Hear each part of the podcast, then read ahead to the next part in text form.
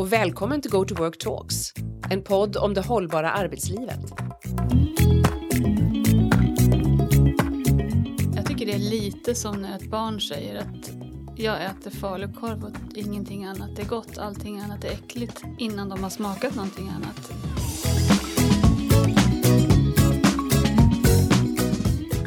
Hej och hjärtligt välkomna till dagens Go to Work Talks och det är det eh, fjärde avsnittet i ordningen för de som möjligen har missat något. I den här podcasten som inte är alltför lång så kommer vi ägna oss att prata om arbete och arbetsliv. Eh, för det är det vi ägnar oss åt på GoToWork. Vi hjälper kunder att eh, byta arbetssätt, byta kontor, ställa om, bli bättre helt enkelt tänker vi på att jobba. Och arbete är ju något som alla förhåller sig till på något vis. I alla fall de flesta av oss som är i vuxen ålder och har möjlighet. Gemensamt för alla av oss är ju att vi vill må bra på jobbet och gärna känna att vi skapar ett värde. Och idag på det temat så tänkte jag att vi skulle ägna oss åt kultur på företag. Hur skapar vi den och hur skapar vi en bra kultur och en sund kultur? Och även hur ledarskapet utvecklas eller behöver utvecklas för att anpassas till det vi kallar då för det nya arbetet eller det nya, the next eller never normal situationen vi har. Jag heter Peter Robertsson och jag kommer vara värd för det här samtalet och jag har såklart en gäst med mig också. Men innan jag presenterar gästen så ska jag berätta lite grann om vår kultur.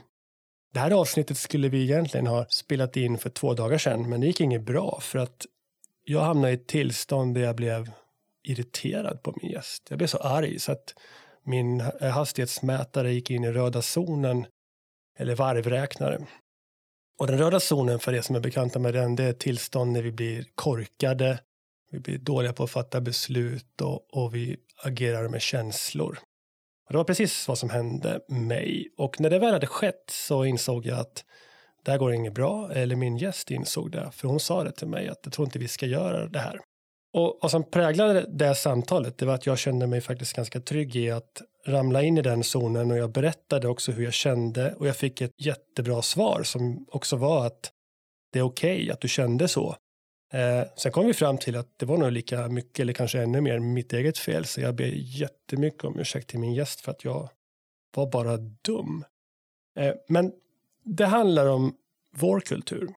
Vi har högt i tak, eller vad vi kallar det, mycket tillit. Vi vågar vara öppna med varandra.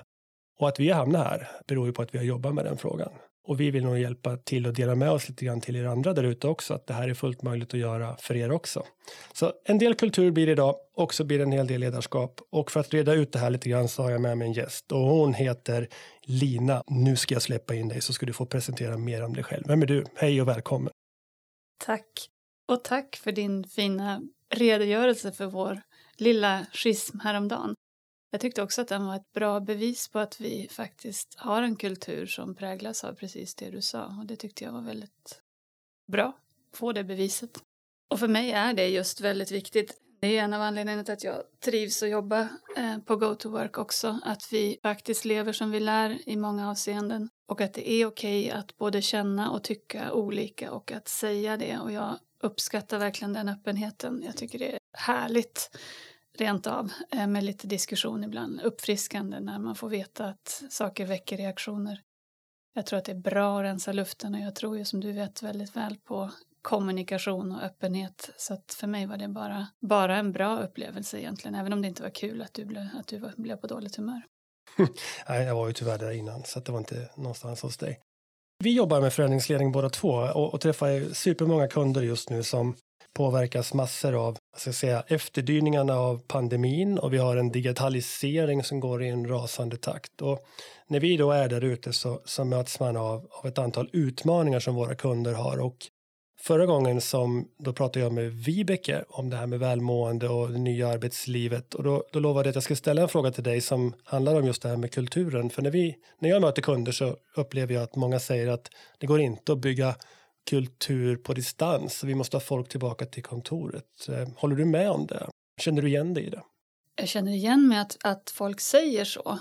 Um, jag tycker det är lite som när ett barn säger att jag äter falukorv och ingenting annat är gott, allting annat är äckligt innan de har smakat någonting annat. Det är lite samma tänkande tycker jag, om jag får vara lite raljant här. Men eh, jag häpnar faktiskt lite ofta nu för tiden av hur vi vuxna människor tror oss veta saker innan vi har provat. Och, och det, det är ju såklart, jag känner ju igen det i någon mening, men det är ju ändå en, en utmaning eftersom det är ganska mänskligt också mm. i, i, sin form. Och då, då, påverkar det ju då rätt många medarbetare och speciellt då när man är en ledningsgrupp där det är ganska vanligt att man känner ett motstånd till, till även den förändring man är själv med om att försöka utveckla och bedriva så har man ett eget inre motstånd som ger sig ju då uttryck i att man försvarar att man inte vill göra förändringen och så säger man sådana saker då som att det går inte att eh, bygga kultur här hos oss på ett annat sätt.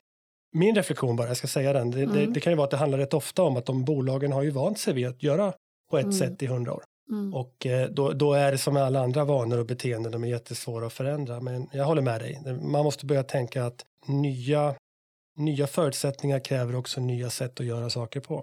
Kan det mm. ligga något i det?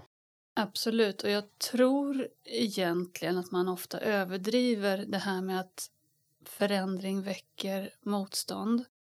Jag tror att det, jag vet att det är sant förstås, eh, men det handlar ofta om förklaringar som kanske inte egentligen handlar om ett, ett aktivt en motvilja hos människor mot att lära sig eller pröva nya saker. Jag upplever ofta att människor är ganska nyfikna på nya saker men dels kan det handla om att man inte får förutsättningar att förstå vad det handlar om. Kommunikationen är urusel från de som har eh, bestämt sig för att någonting ska förändras. Möjligheten att själv vara med och påverka är för dåliga ofta. Eh, människor vill gärna bli lyssnade på, eh, få en möjlighet att påverka sin egen arbetssituation och om man bedriver förändring genom dekret och instruktioner om hur människor ska förändra sina beteenden så ja, då väcker det jättemycket motstånd eh, instinktivt för människor vill inte bli behandlade så.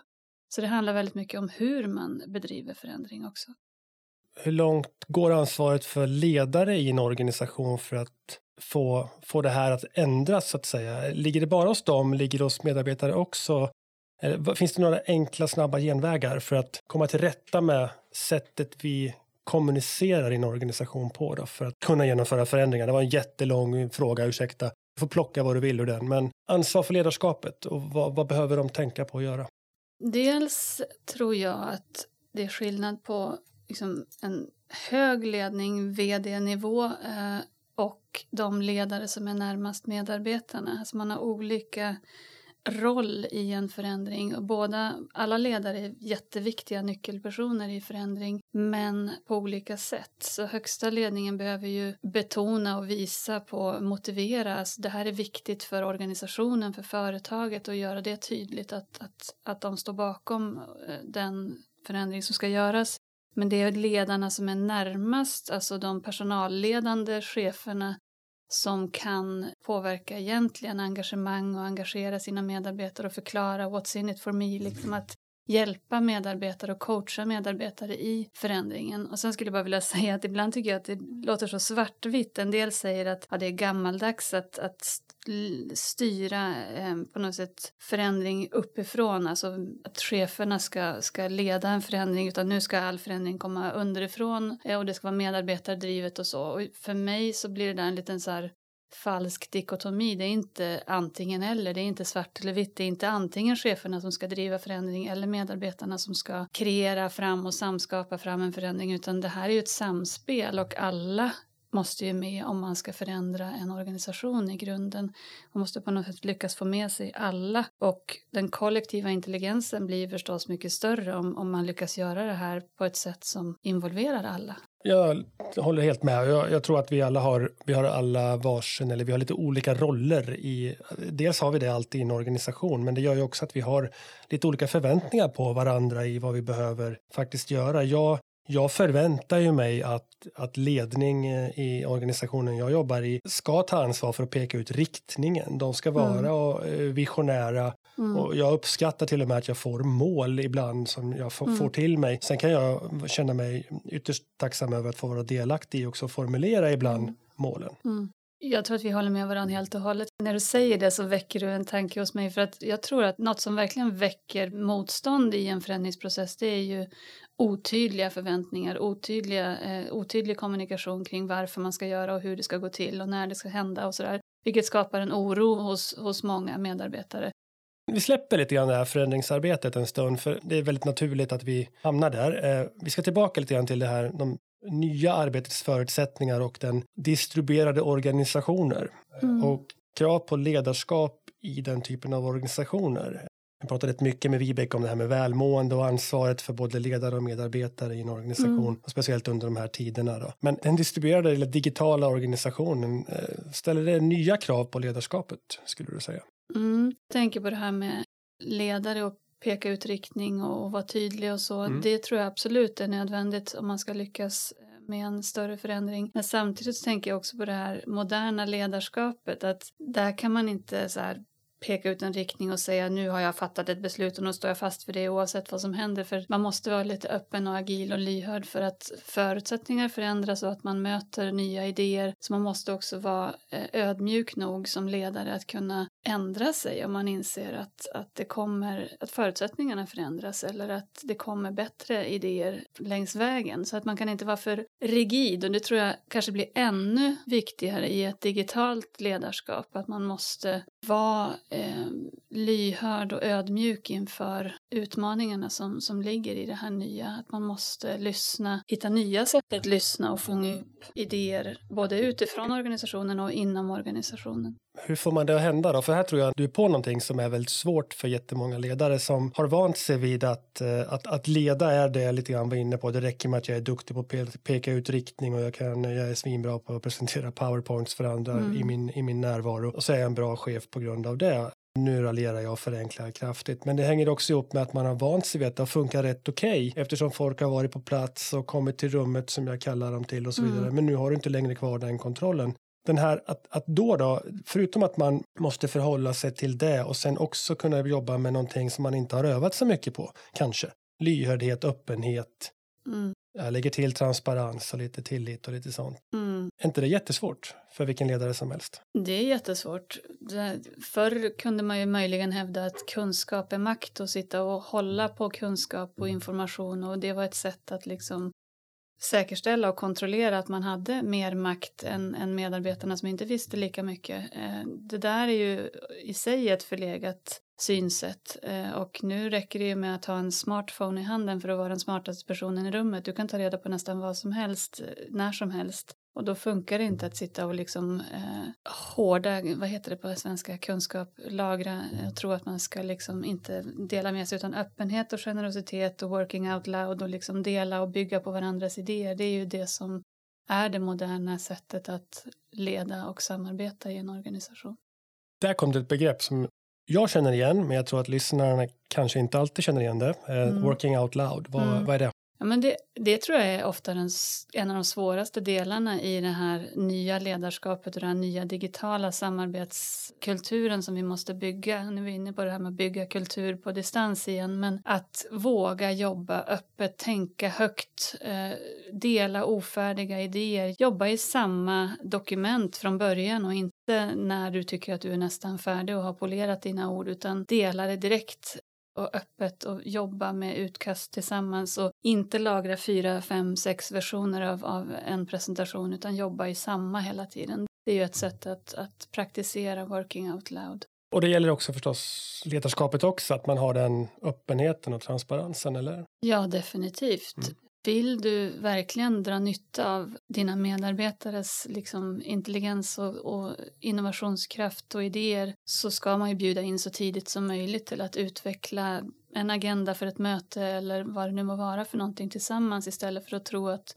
chefen alltid vet bäst och ska liksom styra hela vägen utan bjud in så tidigt som möjligt. Du, eh, det börjar bli dags att, att runda av det här samtalet faktiskt. Det kan, vi skulle kunna prata hur länge som helst om det här ämnet såklart och precis som vanligt, är ni, tycker ni det här var intressant och vill höra mer, låt oss veta det. Låt oss också veta vad ni tyckte skulle kunna ha gjorts annorlunda eller bättre. Vi älskar att jobba öppet, transparent och utveckla oss tillsammans med våra kunder under resan. Bäst att tillägga också innan vi avslutar och Lina, du ska få sista ordet så börja fundera på ett tips du vill skicka med oss när det gäller hur du blir en bättre ledare eller bygger bättre kultur. Ett enda för dagen. Eh, så ska jag bara säga att eh, stort tack för att ni lyssnade. Och checka gärna in oss igen som sagt i etern. Vi finns på vår hemsida Go to Work och vi finns eh, på LinkedIn om det är någon som är sugen på att hålla koll på när vi släpper nya sådana här samtal om trender, nya arbetsliv och annat smått och gott faktiskt. Så då avslutar jag och säger stort tack för idag och Lina, vad vill du skicka med oss? Lyssna för att förstå, inte lyssna för att komma med ett smart svar utan verkligen lyssna för att förstå. Var öppen för andras perspektiv på riktigt. Det där kan man behöva påminna sig om för att eh, kunna verkligen dra nytta av de olika perspektiven som finns.